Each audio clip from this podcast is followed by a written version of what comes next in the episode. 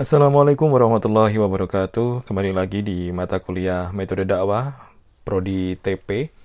Oh ya, saya juga ingin mengucapkan selamat KKN yang hari ini mulai KKN ya, semester 7 hari ini sudah mulai KKN dan ya KKN-nya dari rumah, kerja sosial dari rumah ya, Kerso Dharma.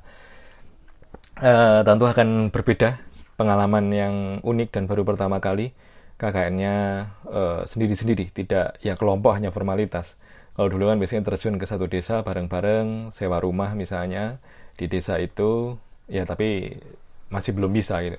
Bahkan mungkin tahun depan pun juga masih formatnya sama, online.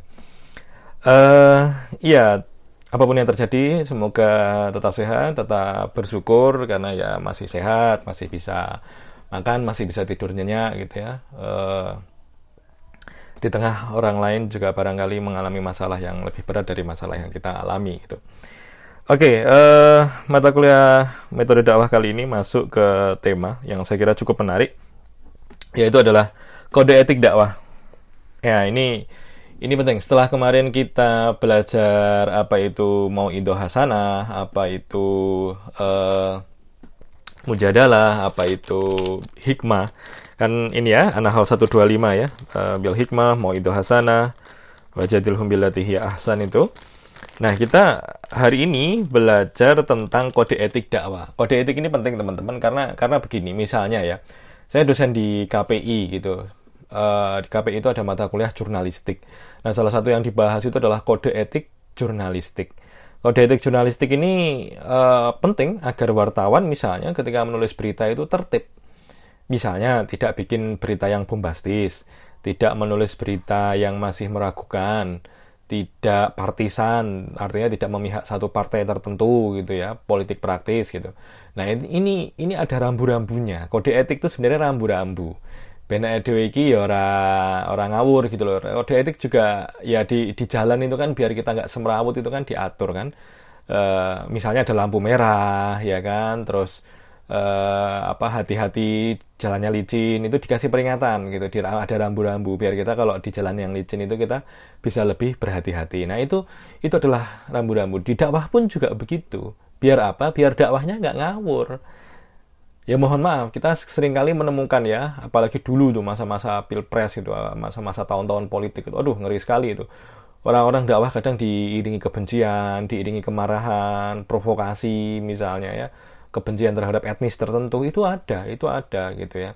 Dan eh, apa namanya itu menjadi problem itu menjadi masalah kita bersama gitu. Kalau dakwah aja kan sebenarnya niatnya menebarkan kebaikan toh mengajak kepada kebaikan. Tapi kenapa kemudian yang terjadi adalah ya itu tadi dakwah dengan kebencian gitu. Terutama disebarkan lewat medsos lewat medsos gitu ya. Terus uh, apa namanya mereka ya sebenarnya barangkali itu rekaman dari ceramah di masjid itu tapi terus disebarkan terus menjadi viral nah ini loh viral terus orang-orang ya orang-orang ada yang kritis ada juga yang menerima itu nah ini menjadi repot Nah, ketika teman-teman TP nanti misalnya ada yang menjadi pendakwah begitu ya, ada yang menjadi apa namanya? dai begitu ustadz di masyarakat, semoga bisa memperhatikan kode etik kode etik ini gitu biar nanti tidak salah arah gitu lah ya, biar tidak tidak dijerumus gitu, alih-alih menjadi dai malah jadi provokator gitu atau malah jadi politisi yang yang berkubu-kubu gitu misalnya. Dai itu harusnya bisa menjadi rahmat bagi semesta ya sebagaimana nafas Islam yang terus kita hembuskan ya nah ya ini Islam rahmatan lil alamin gitu ya. Nah itu itu harus selalu menjadi ruh menjadi semangat menjadi dasar dari kita berdakwah gitu ya lewat apa pun sih nggak harus yang seperti lewat mimbar. Kan dakwah juga bisa bil hal dakwah juga bisa bil kolam dengan cara menulis misalnya ya. Tidak harus dengan tampil di atas mimbar khutbah Jumat gitu ya. Saya sendiri pun saya mengakui saya lebih senang kalau misalkan kalaupun menulis itu adalah dakwah ya saya dakwah saya biasanya lewat tulisan. Saya menerbitkan beberapa buku misalnya ya, kumpulan esai. Itu sebenarnya adalah bagian dari dakwah saya gitu. Oke okay, baik. Uh, kita masuk yang kode etik pertama yakni tidak memisahkan ucapan dan perbuatan. Nah, ini menarik. Dai itu kan sering kali ya kita mengasumsikan dai adalah orang yang yang memberi nasihat, berbicara di depan mimbar, di depan tablik akbar, di depan pengajian, begitu kan. Nah, tidak memisahkan ucapan dan perbuatan karena satunya kata dan perbuatan jadi selaras ya antara apa yang dia sampaikan dan apa yang dia perbuat di keseharian itu harus itu sudah harus wajib gitu. Ya kan nggak mungkin uh, dai kemudian menyarankan masyarakat menasehati masyarakat kita harus menjadi orang yang jujur kalau diberi amanah itu yang apa kalau diberi jabatan itu yang amanah gitu. Tapi ketika dai itu suatu saat menjadi kepala desa gitu misalkan dia korupsi dana desa kan ya orang masuk kan ya gak nyambung gitu. Nah ini ini susah ini susah susah gampang sebetulnya menyatukan ucapan dan perbuatan. Kita ewe menasehati temennya wah harus rajin ke masjid. Kalau ada ayo langsung ke masjid. Tapi dia suatu saat di kosan malah tidur tidur kayak gitu. Tidur tiduran nggak segera ke masjid misalnya. Ini susah makanya. Menasehati tapi di sisi lain dia juga harus mengamalkan itu apa kalau di Jawa itu ada istilah jarkoni ya iso iso ujar iso nglakoni gitu loh itu akeh tunggale nek kon ngongkon-ngongkon nasihat-nasihat tok ora dhewe orang kayak contoh itu akeh tunggale gitu nah ini ini adalah kode etik yang pertama. Dai itu harus selalu konsisten antara perkataan dan perbuatan. Karena gini, kalau dia tidak konsisten, konsekuensinya apa? Akan ditinggalkan umatnya. Nah, ini ini saya kasih contoh ya. Mungkin teman-teman pernah dengar Mario Teguh. Mario Teguh ini dulu punya acara di Metro TV namanya Golden Ways. Golden Ways itu motivasi-motivasi itu loh. Wah, itu dulu laris laris itu itu rame dulu orang-orang apa namanya e, nonton itu gitu kan seneng kan ya dan biasanya itu tak seingat saya tayang di Metro TV itu hari Minggu malam Senin malam Senin jadi menghadapi hari Senin yang kata orang kan apa namanya ahead Monday ya. Aku membenci hari Senin dan beberapa orang kan sering ceritanya kayak gitu kan. Kalau terutama ketika saya di Jakarta ya wah dia akan memulai kerja suntuk lagi ketemu macet lagi kayak gitu kan. Ketemu polusi ketemu Jakarta yang berisik begitu ya yang keras gitu dia kayaknya males gitu menghadapi Senin. Nah, kayaknya Metro TV itu berpikir begitu. Acara Golden Ways itu untuk orang-orang perkotaan yang dimotivasi untuk menghadapi hari Senin. Kayaknya sih begitu. Nah, wah Mario Teguh kalau di situ kata-katanya bagus. Kita harus bla bla bla sahabat saya yang super misalnya gitu-gitu. Itu teman-teman kan pernah nonton lah Mario Teguh itu ya itu itu itu fenomena menarik dulu tuh motivasi motivasi gitu wah laris banget dulu apa namanya yang kayak gitu gitu itu motivator motivator gitu Nah, suatu saat, suatu saat Mario Teguh ini kena kasus. Dia tidak mengakui anak biologisnya. Siapa sih namanya? Aryo Kis, Aryo Kiswinar atau siapa gitu. Wah itu jadi kasus lama itu di infotainment, di berita itu soal lama sekali itu. Jadi perseteruan anak dan bapak itu tidak diakui sebagai bapaknya, tidak sebagai tidak diakui sebagai anak itu. Wah ya sakit hati tuh Aryo Kiswinar itu itu dari istri pertama gitulah kira-kira aku juga nggak terlalu tahu detailnya. Intinya tapi berkonflik lah dan di situ Mario Teguh kayak semacam apa ya menelan ludahnya sendiri. Dia yang setiap hari bijak yang seolah-olah tidak punya masalah gitu yang semua masalah itu dia bisa selesaikan.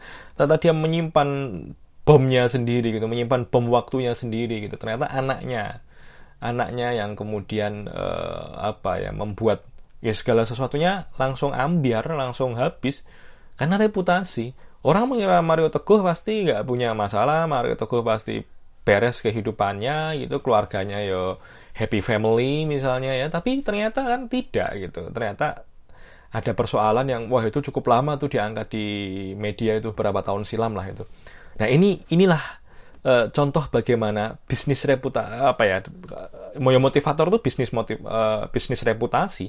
Kalau reputasimu hancur ya mana mungkin kamu akan memotivasi. Sudah setelah kasus itu saya lihat Mario Teguh sudah tidak pernah muncul di televisi lagi gitu. sudah selesai dulu bahkan kalau mau mengundang Mario Teguh tuh wah tarifnya mahal sekali dan ridersnya itu berat. Misalkan harus dijemput apa dosen apa dosen. Hotelnya harus bintang 5 gitu ya misalnya. Ya. terus oh, standarnya tinggi lah kalau misalkan mau ngundang Mario Teguh itu dia dia nggak nggak sebarangan lah. Dia ingin memposisikan diri sebagai motivator yang kelas wahid gitu kelas kelas atas gitu.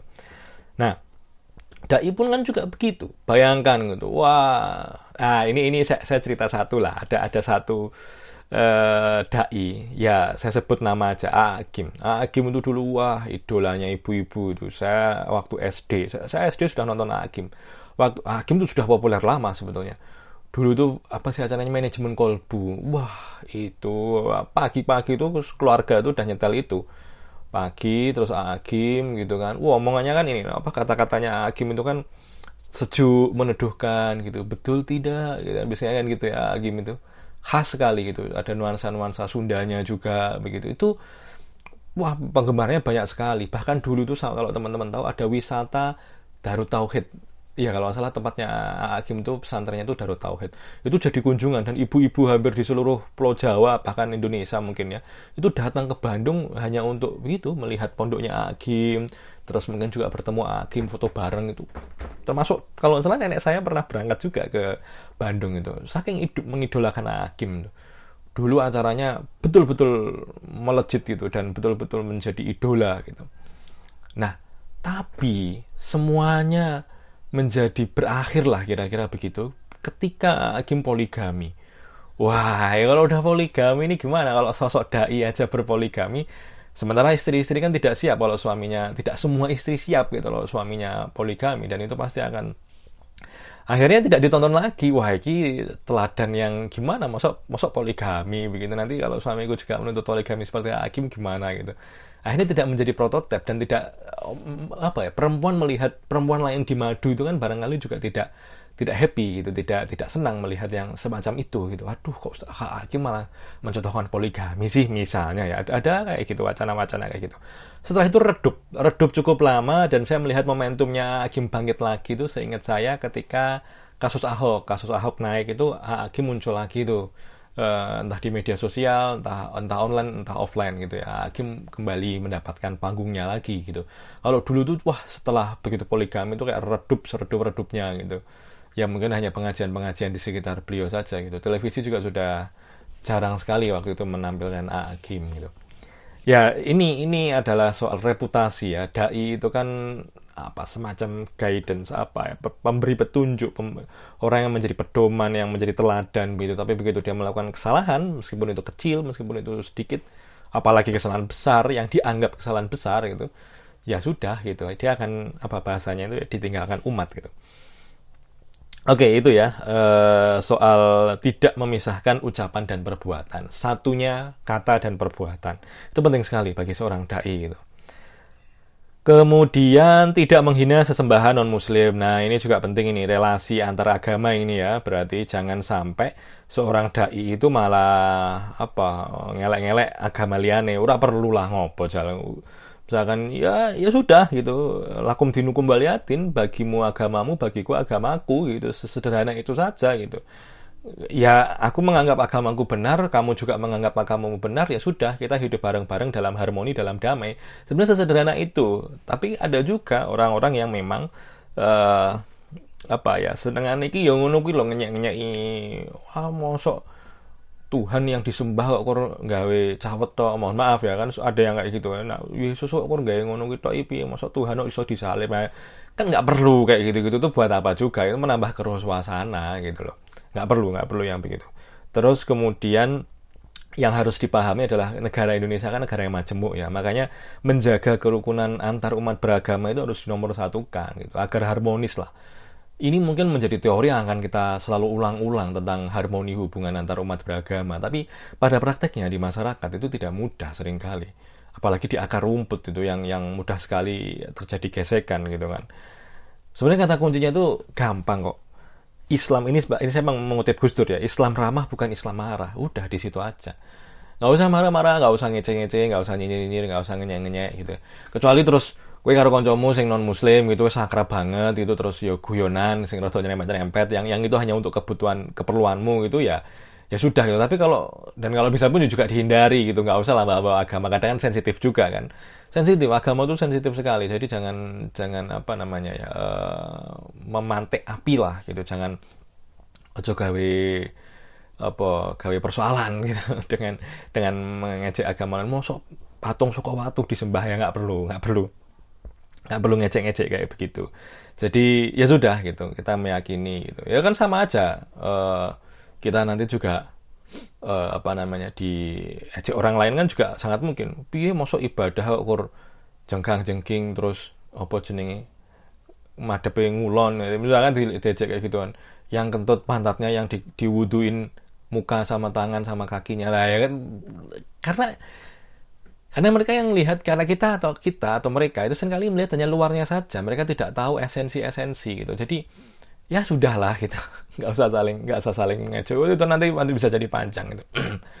jadi saat itu bisa terjadi konflik di masyarakat, bisa apa kerusuhan dan macam-macam. Itu yang menjadi tidak perlu menghina sesembahan non muslim, tidak perlu menghina umat agama lain gitu. Kemudian ya tidak melakukan diskriminasi. Ini juga ini juga penting ini, tidak melakukan diskriminasi. Jangan diskriminatif kalau dakwah. Jangan kalau sudah orang kaya kita cepat sekali. Wah, dakwahnya cepat sekali. E, datang ke orang kaya itu kita semangat. Tapi kalau dakwah di perkampungan yang mungkin honornya mungkin juga ala kadarnya gitu kita males-malesan. Jangan, jangan. Dakwah itu ya untuk semua untuk semua kalangan gitu. Jangan hanya juga dakwah hanya fokus ke masjid saja gitu coba sentuh itu orang-orang yang di kolong-kolong jembatan gitu. Ini kalau ini terutama masalah di Jakarta ya, orang-orang marginal, orang-orang yang uh, tidak mendapatkan perhatian begitu itu itu malah lebih penting untuk uh, kita berikan apa namanya perhatian, kita berikan apa sentuhan-sentuhan religi gitu. Ya begitu karena pada dasarnya kan Islam kan tidak ada kasta kan, tidak ada tidak ada apa namanya kelompok-kelompok dalam kelas itu tidak ada gitu loh. Semangatnya Islam itu semangat kesetaraan sebetulnya Nah, ini ini menjadi penting gitu ya agar teman-teman tidak tidak apa ya dakwah yo. Ya kalau selalu di kalau kita selalu dengar itu ya dakwah itu harus dengan keikhlasan gitu ya. Mau di mana pun dakwahnya mau di kelompok mana pun dakwahnya kalau kita diundang dan kita bisa datang ya sudah sampaikan dengan ini. Jangan terus pilih-pilih wah aku nih gak ning uh, omahe wong sugih atau atau gak diundang kantor BUMN misalnya ora aku aku hanya dakwah di sana aku nggak mau dakwah yang uh, kecil-kecil di kampung-kampung itu aku nggak mau nggak kayak gitu juga gitu loh dan aku hanya mau di suku Jawa nih wah itu diskriminatif juga nih aku males di luar suku Jawa gitu Enggak, jadi harus harus bisa memandang manusia itu setara gitu, tidak ada perbedaan gitu. Sama-sama manusia, sama-sama orang Indonesia juga sebetulnya gitu. Dan tidak melihat suku bangsa, tidak melihat uh, apa kelas sosialnya itu diskrimin tidak diskriminatif itu di sana. Terus kemudian tidak memungut imbalan. Jadi idealnya tidak pasang tarif. Tidak pasang tarif. Tapi kalau diberi diterima boleh. Itu nggak nggak apa-apa. Kalau pasang tarif itu uh, piye ya? Gak gak ilok lah. Nek cari wong Jawa gak ilok wah aku kudu seket juta lagi sejam misalnya dia udah terkenal kan aku harus seket juta. Nah itu kan nggak enak juga kita dengarnya kan. Kalau nggak seket juta aku orang seolah-olah terus dakwah itu kayak jadi bisnis gitu loh. Dai sudah kayak jadi selebritis gitu. Terus pasang tarif sedemikian rupa gitu. Ya kalaupun kita ngasih kalau kita pun ngasih orang gitu ya itu ya bentuk apa ya penghormatan kita atas mereka telah berbagi ilmu. Dan dan yo ngasih itu ya sebagaimana kita misalkan tanya-tanya eh kalau ngundang Cak Nun itu berapa tuh kalau ngundang Kiai Kanjeng itu? Nah itu itu kita oh semene biasanya karena dia harus transport dia harus bayar ini itu ini itu. Oh ya wes disiap nih gitu. Orang terus tentang undang Kiai Cak Nun terus diamplopi kok sak yuto rong yuto ngono ya ya pas juga kan. Artinya harus menyesuaikan juga gitu. Bukannya terus kemudian dai itu selalu ikhlas diberi berapapun juga tidak gitu ayo misalnya kamu undang dai dari Jakarta ke Solo gitu terus niki Ustadz, Pak Yai, kelas mawon G, di amplopi satu sewu kan ya mungkin kan ya masuk akal. Artinya teman-teman tetap harus pertimbangan gitu. Apa namanya uh, ketika akan memberikan uh, apa bisaroh lah ke ke apa ke seorang dai gitu loh. Tapi dai sebagai dai karena dakwah itu kan kerja-kerja sosial sebetulnya kan bukan bukan profesi gitu. Saya nggak tahu ya di KTP itu ada nggak yang menulis di situ pekerjaan adalah ustadz atau dai gitu. Saya kira kok nggak ada. Oke, terus kemudian ya tidak memungut imbalan yang ter, yang kemudian adalah tidak menyampaikan hal-hal yang tidak diketahui. Dai itu memang dituntut untuk punya pengetahuan yang luas ya, tapi kalau memang dia tidak tahu nggak usah nggak usah ngomong sesuatu yang tidak tahu gitu misalkan. Nah, kayak gini loh, apa ya soal corona ini. Corona itu kan yang yang ngerti ini otoritas dokter kan. Dai tidak tidak perlu terlalu apa ya uh, apa masuk sesuatu yang tidak diketahui itu. Misalkan uh, apa corona ini bisa sembuh kalau kita minum jamu beras kencur gitu. Nah, dai bicara begitu misalnya, tapi ternyata itu hanya asumsinya saja gitu, hanya kira-kira saja gitu. Wah ya ya jangan gitu. Ini wilayah dokter gitu. Ada baiknya kalau menahan diri gitu, ngikuti apa yang dokter dokter kan lebih lebih ngerti soal penyakit gitu kan. Ya dai mungkin juga bagus kalau dai itu kan opinion leader kan dai itu kan orang yang didengar suaranya nah itu mungkin dia bisa menyarankan ayo kita ikuti anjuran dokter misalkan pakai masker jaga jarak cuci tangan itu itu bagus kalau dai yang begitu tapi jangan terus kayak membuat sesuatu sendiri yang yang barangkali dia beliau sendiri pun juga tidak tahu gitu loh atau dia membicarakan apa ya uh, wah kita harus melawan komunisme. Tapi ketika ditanya komunisme secara detailnya bagaimana uh, tidak tahu ya. Sebagai kalaupun mau membicarakan soal komunisme silahkan uh, belajar secara detail gitu biar umat itu tidak tidak disesat bukan tidak disesatkan ya. Tapi dia bisa mendapatkan hal yang komprehensif gitu loh. Ketika tidak suka sesuatu itu ya bukan hanya tidak sekadar tidak suka tapi juga ada alasannya gitu loh. Jadi itu uh, tentang kode etik dakwah ya yang bisa di uh, apa namanya ikuti oleh seorang dai. Oh ya, yang terakhir ini ha, harus dai itu harus berteman apa tidak boleh berteman dengan pelaku maksiat. Ya memang dai itu bagusnya memang bisa berkawan lintas profesi, lintas ini, tapi dia jangan jangan apa ya, dia jangan bersekongkol lah kira-kira dengan pelaku-pelaku maksiat begitu dan ya apa sebagaimana tombok hati itu kan berkumpullah dengan orang-orang soleh gitu. Dai itu ya disarankan begitu.